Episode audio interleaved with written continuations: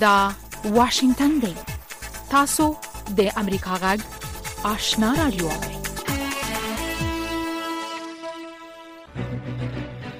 قدرمن اوریدونکو السلام علیکم زه شافیا سردار یم دا د امریکا غږ آشنا رادیو خبرونه پیل شوه لومړی به خبرونه واوري ویان سید سلیمان شاه طالبان وایي چې په افغانستان کې د امریکا غږ او ازادۍ د رادیو د پښتو او دری خپرونې سر له پنج شنبه د لیندۍ لسمینه بندي کړي امریکا غږ او د ازادۍ رادیو دواړه افغانستان ته په منځنۍ څپو او د اف ام 15 په څپو خپرونې کوي د طالبانو د حکومت د اطلاعاتو او کلتور د وزارت مربوط د باختر خبري اژانس د دغه وزارت د مطبوعاتي رسنیو د څار د مسول عبدالحق حمد له قوله نن د پنجشنبې په ورځ خبر ورکړ چې د افغانستان په دیارلسو غټو ښارونو کې د ازادۍ د رادیو د اف ام خپرونو انټونونه تړلي دي. عبدالحق د ټویټر په پاڼه لیکلي دي چې د ازادۍ د رادیو خپرونې ځکه بندې شوې دي چې د نوموړي په وینا ژورنالیستیکي پرنسیبونه نه مراعاتول او خپرونې یو طرفه وې محلي مطبوعاتي رسنیو هم د طالبانو لخوا د امریکا غږ او ازادۍ رادیو د خپرونو د بندولو رپورټونه په پوره تفصیل خپاره کړي دي امریکا غږ دا وخت افغانستان ته دولس ساعته خپرونې کوي. تر دې دمخه طالبانو د روان میلادي کال په مارچ کې افغانستان ته د امریکا غږ د اشنا تلویزیون خپرونې هم تړلې وې. امریکا غږ په افغانستان کې له اووه میلیونو نه زیات اورېدونکي او لیدونکي لري. په کابل کې د ملګرو ملتونو ځانګړی دفتر یا یوناما وايي، زیار باسي چې د دایکندي په ولایت کې د یوې وروستۍ پېښې په اړه حقایق راجمع کړي. یوناما نن د پنجشنبې په ورځ د لیندۍ په لسمه په یوه مطبوعاتي بیانیه کې چې په کابل کې خپره کړې ویلي چې د هغه ولایت د سیواکر له سیمې نه ورته د ملکي تلفاتو بې له محاکمې نه د ماشومانو په شمول د لږ تر لږه اتو کسانو د وژلو په باب جدي رپوټونه رسېدلي دي.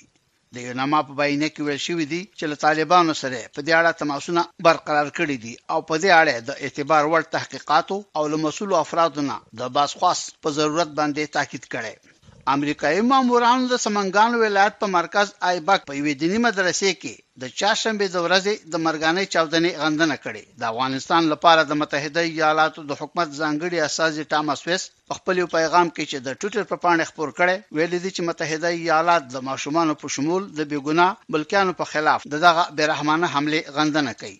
همداراز د امریکا د بهرنیو چارو په وزارت کې په افغانستان کې د بشري حقوقو او د ښځو د چارو لپاره ځانګړې استازې رینا امیري هم د ایبکو د الجهاد په دیني مدرسه کې چاودنه زړه دردونکي او بې رحمانه وبلله. رینا امیري د وژل شوو ماشومانو او ټپیانو له کورنیو سره خپله خواخوږي وښودله. له بلې خوا په دوحه کې د افغانستان لپاره د متحده ایالاتو د سفارت شارژافیرې مېرمن کیرن ډیکر هم د دغې چاودنې په کلکه غندنه کړې ده. له بلې خوا مېرمن کیرن ډیکر وايي، کله چې له افغانانو سره ملاقاتونه کوي نو د خبرو په مهال د هغوی انرژي محسوسوي. ټکر چې تېره ورځ یې د تاجکستان په پایتخت دوشنبه کې د هرات په لسم امنیتي کانفرنس کې وینا کوله وویل، غواړم چې په دې خبره باندې یو ځلې بیا تاکید وکړم چې د افغانانو لپاره د متحده ایالاتو ژمنه واقعي او تلپاتې ده. نوموړي هیله څرګنده کړله چې دا کانفرنس به بالاخره په افغانستان کې د د خبرو د پیل کېدو لپاره لاره اواره کړي. په عین وخت کې د طالبانو د مخالفې جبهې مشر احمد مسعود د افغانستان د اوسني بحران د یوه ممکنه حل لپاره د انتخاباتو په ضرورت تاکید وکړ. احمد مسعود چې د تاجکستان په پایتخت دوشنبه کې د هرات په لسم امنیتي کنفرانس کې وینا کوله وویل، که طالبان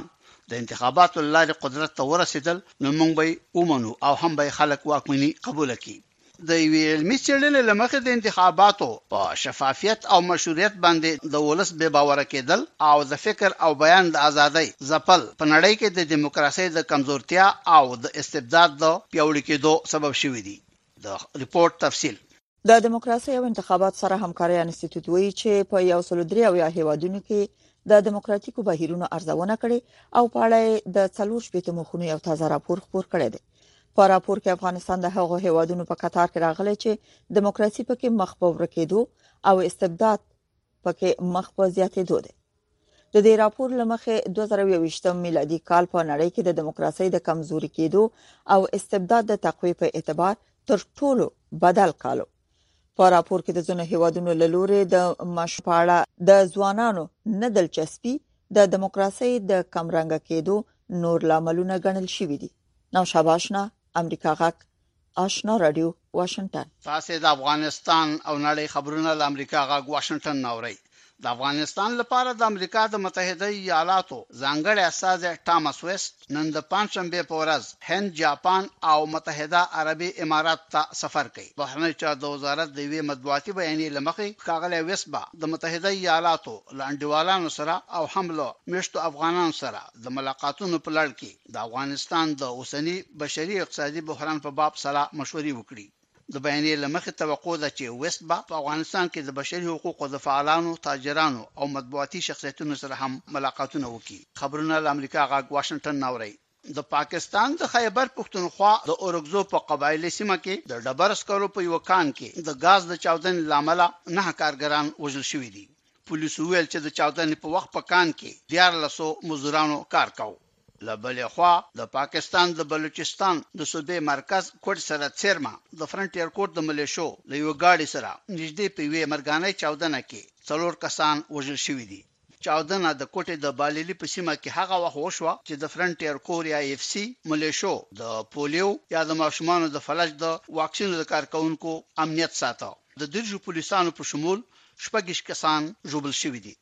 په داسې حال کې چې په ایران کې د چارواکو د سختو اقداماتو باوجود د مظاهرو لړۍ پای ته نه ده رسېدلې، د واشنګټن پوسټ ورځپاڼه رپوټ ورکوي چې د دوه ویشت کلنې مهسا امیني له مړینې نه وروسته د روانو احتجاجونو لړۍ د ایران د موجوده رژیم مشران هک پک حیران کړي دي. د بشري حقوقو د موسسو د خبر له مخې، له څلور سوه نه زیات کسان وژل شوي دي، د ډاکټرانو، هنرمندانو، محصلینو او استادانو په شمول په زرهاوو نور کسان نیول شوي دي.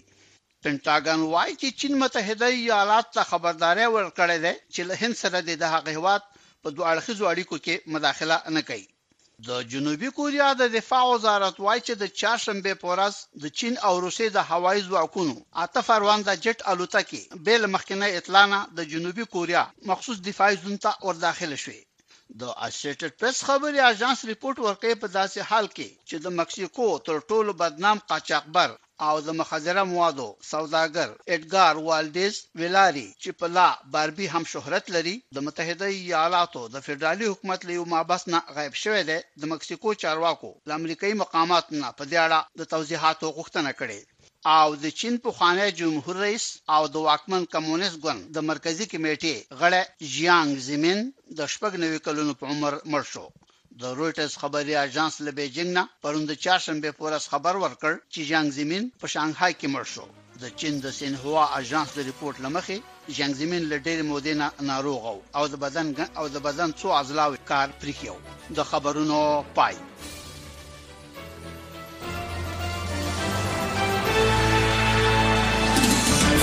امریکا جغ آشنا رادیو ډیرو قدرمن اوریدونکو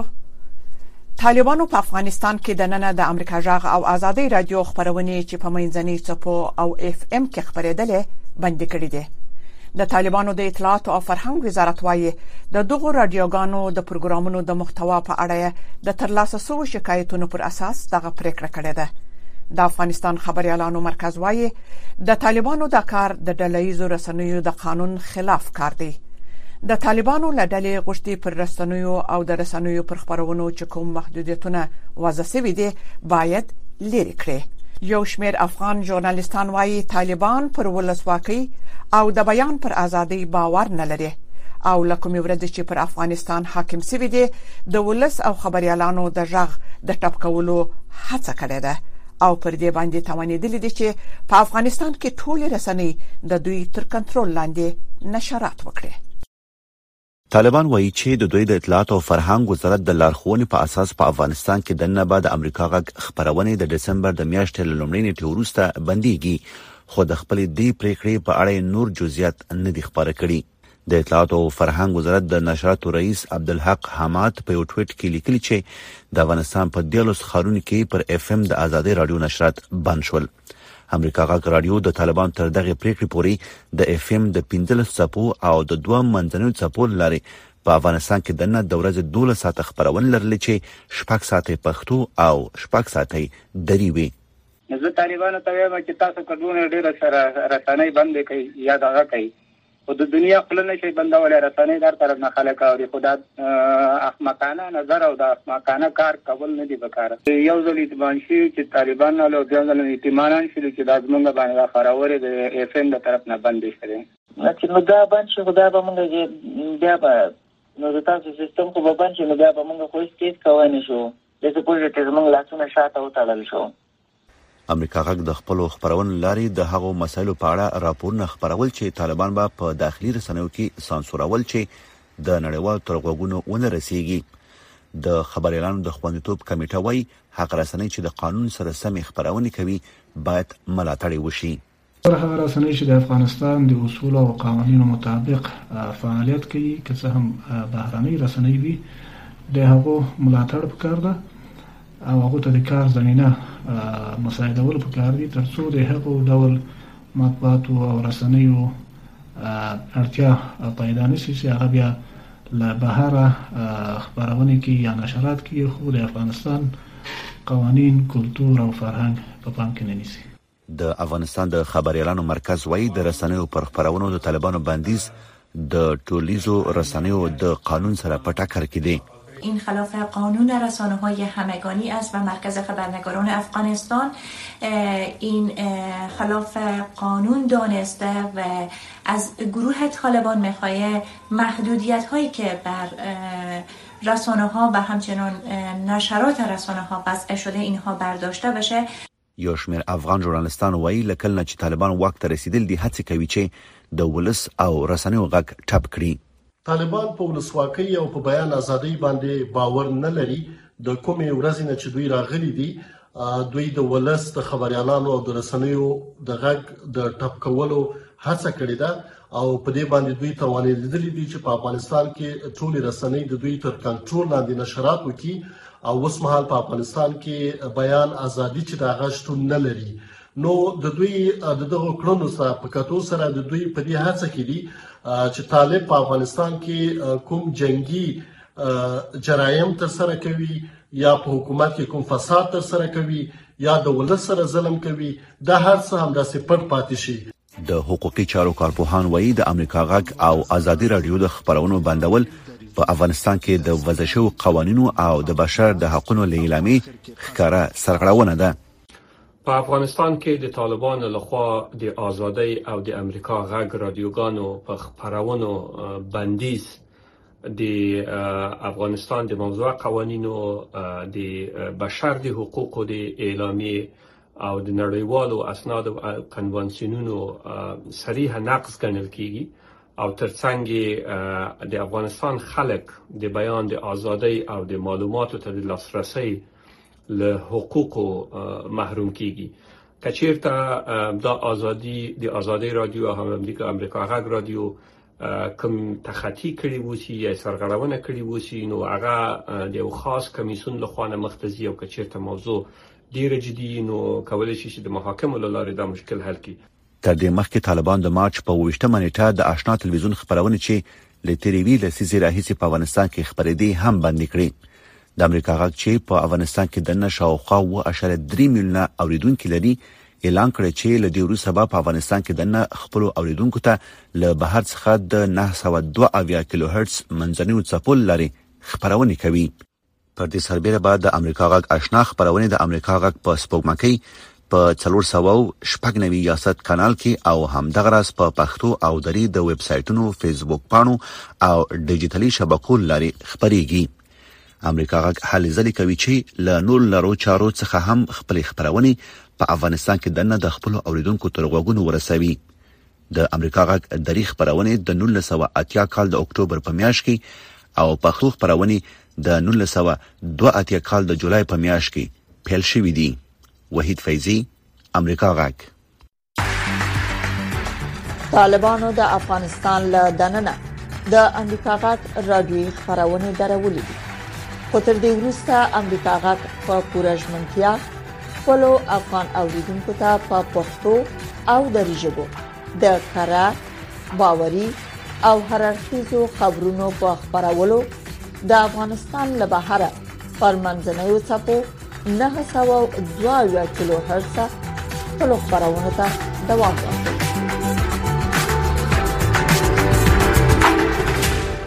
دا د امریکا غږ آشنا رادیو ده او تاسو زموږ د خبرونه اوري په افغانستان کې د بشري حقوقو د څار لپاره د ملګرو ملتونو استاذ ریچارډ بنت د امریکا جغ آشنا تلویزیون ته په یو مرکه کې ویلي و چې په تیرو 15 میاشتو کې د طالبانو د امر بل المعروف او نهي عن المنکر او استخباراتو ادارې د پخوا په پرتله زیاتې پیاوړې شوې دي د دغو ادارو پیاوړتیا د بیان ازادۍ او معلوماتو ته لاسرسی په څه معنا دی شهناز نفیس په دې باره کې راپورټ لري خاغلی بنټ چې سباندې یو میاشت وړاندې په اکتوبر کې افغانستان ته سفر کړی وو وایي چې د سفر په مهال احساس کړي چې ولس د طالبانو د امر بالمعروف او استخباراتو د وزارتونو نه اوس زیاته ویره لري بله خبره چې ما په دې وروستي سفر کې ولیدله هغه دا وه چې د استخباراتو د وزارت د مشر او همدارنګه د امر بالمعروف او نهی عن المنکر د وزارت نفوذ مضبوط شوی دی او خلک له دې وزارتونو څخه په ویره کې وو د مطبوعاتو ازادي هغه برخه ده چې زه په اړه اندېښمن یم د رسنیو محدودیتونه، د مطبوعاتو د ازادۍ او د بیان ازادۍ او د معلوماتو په اړه اندېښنې لرو. د خبریالانو د خوندي ساتلو کمېټۍ یا سي پي جې هم سږکال په یوه رپورټ کې ویلي وو چې د افغانستان د خپلواکو رسنیو لپاره د استخباراتو اداره یو نوی ګواښ دی. سي پي جې ویلي وو چې د استخباراتو ادارې بندیزونه یوازې د خبریالانو او یا د رسنیو د مالکانو لپاره نه دي، بلکې یاد اداره په کابل کې د احتجاج کوونکو افغان مرمنو په کورونو چاپی وهي او سیاسي مخالفین په غیر قانوني توګه بندي کوي او سختي پلټنې ترې کوي طالب چارواکو په خوا دغه ډول ریپورتونه دروغ بللی وو هغه څه چې موږ ولیدل هغه دا دي چې د افغانستان استخباراتي اداره په زیاتیدونکې توګه د رسنیو په اداره کولو کې نیغ په نیغه لاس لري او همدا رنګه د ژورنالستانو په نیولو او ځورولو کې رول لوبوي او له همدې امله دا د هغو ژورنالستانو لپاره چې په ساده ډول د خبرونو ورکولو هڅه کوي په تدریجي ډول یو ستونزمن حالت دی ډیری تجربه لرونکي ژورنالستان د ویرې له امله له هیواده وتلي دي ولس کې زیاتیدونکې ویرې ته امنیسټي انټرنیشنل هم د نومبر په 14مه په خپل یو بیان کې اشاره کړې و او د خبريالانو د خوندي ساتلو کمیټې یا سی پی جی وايي د استخباراتي ادارې اوسنو او پخوانو چارواکو سی پی جی ته ویلي وو چې استخباراتي ادارې کې زیاتره مامورین د حقانی شبکې غړي دي په حقانی ډله د پاکستان استخباراتي ادارې آی اس آی سره د اړیکو لرلو تور دی ځینې ګروپونه دي چې واقعا د پاکستان سره ډېر نږدې اړیکې لري او معلومه پاکستان کې څوک له طالبانو سره همکاري کوله د پاکستان اردو او خاصه په اردو کې خپل د استخباراتو سازمان چې په نوم د آی اس آی یادېږي هغه دا کارونه کول د هغوی ټول لاسوهنه په افغانستان کې د 43 کال راځي هم د آی اس آی کوي چې همیشه په نوم د جهاد د سی پی جی چارواکي سټیون بټلر د طالبانو د استخباراتي ادارې آی اس آی ترمنځ ممکنه اړیکو باندې د خبرونه ډډه وکړه خو زیاته کړه چې دواړه ادارې د نیوکو زغم نه لري دا واقعا پېچلې مسئله ده چې تاسو راپورته کړې. زه نه وایم او نه غواړم ووایم چې طالبان او استخباراتي اداره جي ډي آی د آی اس آی سره ورته والی لري. د پاکستان په آی اس آی هم په خبریالانو د فشار اچولو، تښتولو او ان تر دې چې د هغوی د وژلو تورونه دي. د بې پولې خبریالانو ادارې یا یا آی اس اف لپاره پلټنې کوونکې جرنالیست ډینیل باستر وای آی اس آی په پاکستان کې خبریالان بې درکه کوي یو لړ بارز شکونه څرګندوي چې د ژورنالستانو د پنخه کولو تر شا دې د آی اس آی او یا هم آی اس آی ته نږدې ادارې وي آیس آی تل دا تورونه رد کړي دي له بلې پلوه ویل کیږي چې طالبان یو شمیر نوو اجازه کوونکو اخیستلو مجبوروي او د یادو سندونه پرته د فعالیت اجازه نه ورکوي شناز نفیس امریکا غږ واشنگټن طالبانو د افغانستان له دننه د امریکا غاک رادیوي خبرونه درولې دي خو تاسو کولای شئ زموږ پښتو خبرونه پر لاندو صفو هم واورئ پښتو سهارنۍ خبری خبرونه پر 2290 صفو اوریدل شئ ما خامنۍ پښتو خبرونه پر 2140 2015 9815 14590 میگا هرتز لنډو چپو اوریدل شي د سپین خبرې یا رکوراس خبرونه پر لنډو چپو 2015 میگا هرتز د نن او وضعیت یا روایت امروز خبرونه پر لنډو چپو 2040 9915 او ساسغه یا صداي شما خبرونه پر لاندې ټکو و زره پنځه سوه دېرش او نهه زره درې سوه پنځه پنځوس میګا هرتز اورېدلی شئ. دا د امریکا جغ آشنا رادیو ده د امریکا د دفاع وزارت د چین پوځي قدرت تر عنوان لاندې په خپل کلنی راپور کې چې دا اونۍ خبر سو ویلي چې ک د بیجینګ ګړندۍ اټومي پراختیا دوام وکړي نو د دغه هیواد د وسلو په زیرمو کې د اټومي کوپړو شمیر به تر 2015 کال پورې 1500 ته ورسیږي په دې باره کې د پینتاګان څخه د امریکا ژغ د خبريالي کارلا باب د رپورت پښتو ژباړه تاسو پام را ګرځوو پینتاګان په خپل تازه راپور کې ویلي چې چین دا وخت 400 اتومي کوپړۍ لري او په راتلونکو دوو کلونو کې به دغه شمیر دوه چنده زیات سي په راپور کې ویل شوي چې چین تېر کال شاوخوا یو سل او پنځه دېرش بالستیک توغندي وازمویل چې دا شمېر د اوکراین په څېر د جګړې په ډګرونو کې د توغول شویو توغندیو پرته د ټولې نړۍ د مجموعي ازموینو په پرتله زیات دی. که د چین د توغندیو د زېرمې اندازې او ظرفیت ته وکتل شي، حیرانوونکې ده. پنټاګان په دې برخه کې چین خپل مهم سیال بولي. چین یوازنی هیواد دی چې په جیوپولیټیک ډول د دې توان لري چې متحده ایالاتو ته د پام وړ ننګونې ایجاد کړي. د دې راپور په اساس چین په سیمه کې د امریکا او متحدینو په وړاندې د پنټاګان په خبره ناامنه او غیر مسلکي اقدامات پراخ کړي دي، په ځانګړي ډول د تایوان د خودمختاره ټاپو په وړاندې چې شنونکی براډلي بومن ورته اشاره کوي.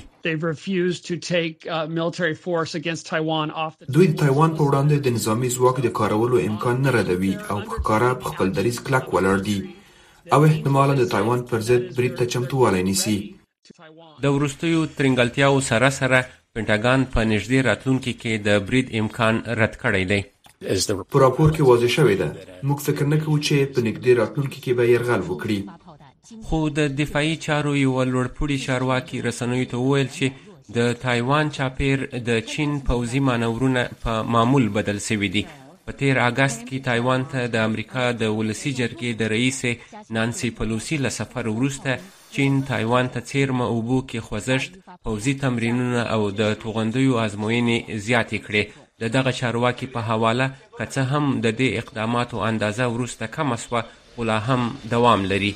د چين د دفاع وزير وي فينګ تېره اونۍ په کمبوډيا کې د امريکا د دفاع وزير لايډ آسټين ته وويل چې بېجينګ د تايوان ټاپو خپله سره کرښه بولي.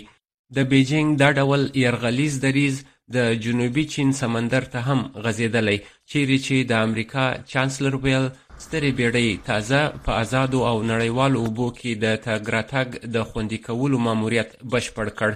له دغو اوبو څخه د نړۍ نیمایي تجارتي بیړۍ تیریږي چې اندازه یې د کاله تریلیونونو ډالرو ته رسیږي. ځینو راپورونو وویل چې چین دغه بیړۍ په زوره له سیمې ایستلې ده. دا رښتیا نه ده. موږ د نړیوال قانون په رڼا کې په ټولو ازادو اوبو کې د خپلو کښتیو تګ راتګ او الوتنو ته دوام ورکوو. بیجینګ د جنوبي چین سمندر خپل مالکیت بولي او د نړیوالې محکمې هغه حکم یې له پامه غورځولی چې وايي، داسې کوم تاریخي سند نشته چې د بیجینګ دغه ادعا ثابته کړي. طالبانو د افغانستان له دننه د امریکا غږ رادیوي خبرونه درولې دي خو تر دې وروسته امریکا غږ په پوره ژمنتیا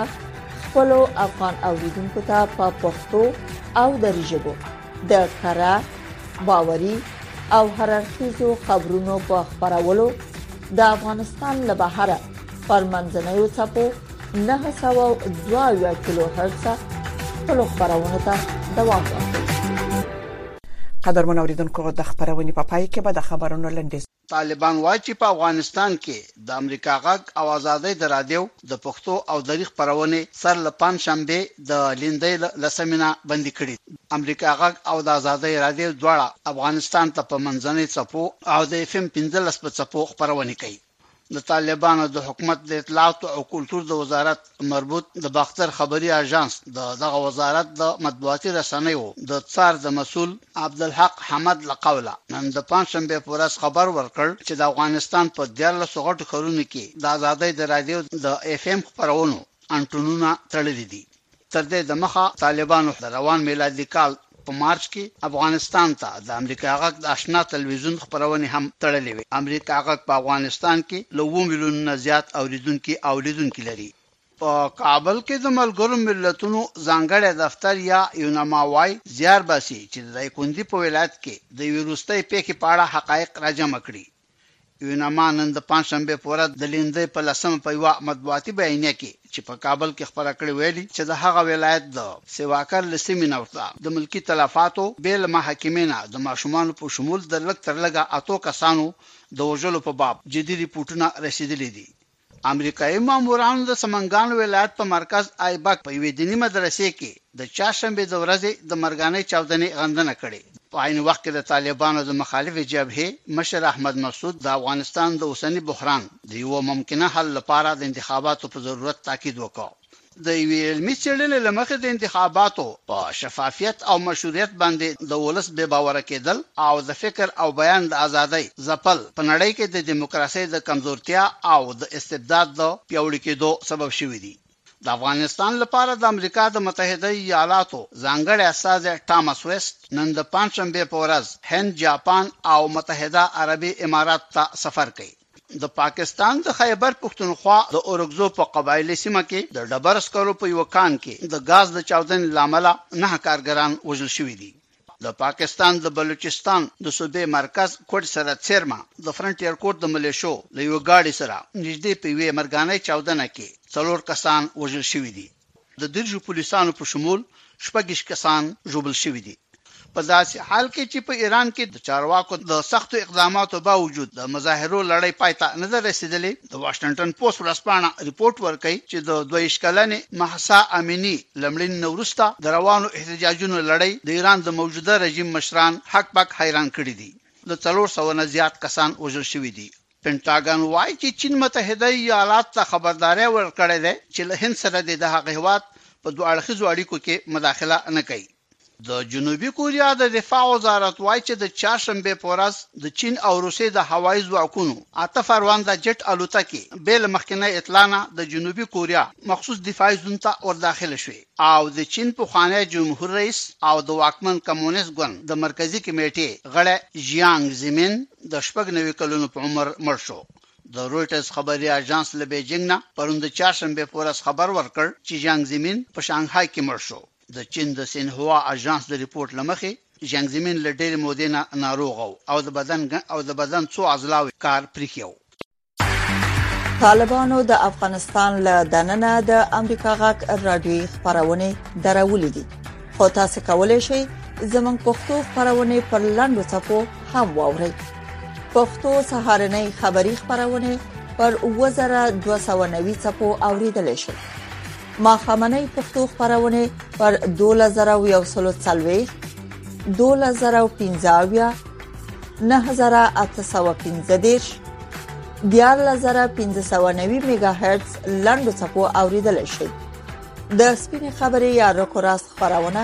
پر لنډو چپو 2015 میگا هرتز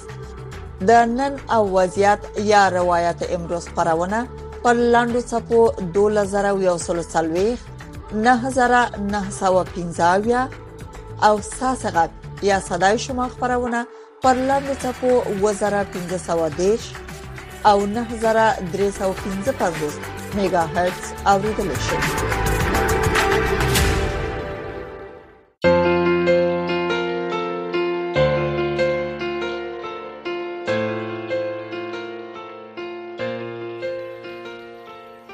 درنو اوریدونکو زموږ د خبرونه په همدې ځای پای ته ورسیده د امریکا جغ آشنا را دوه خبرونه دوام لري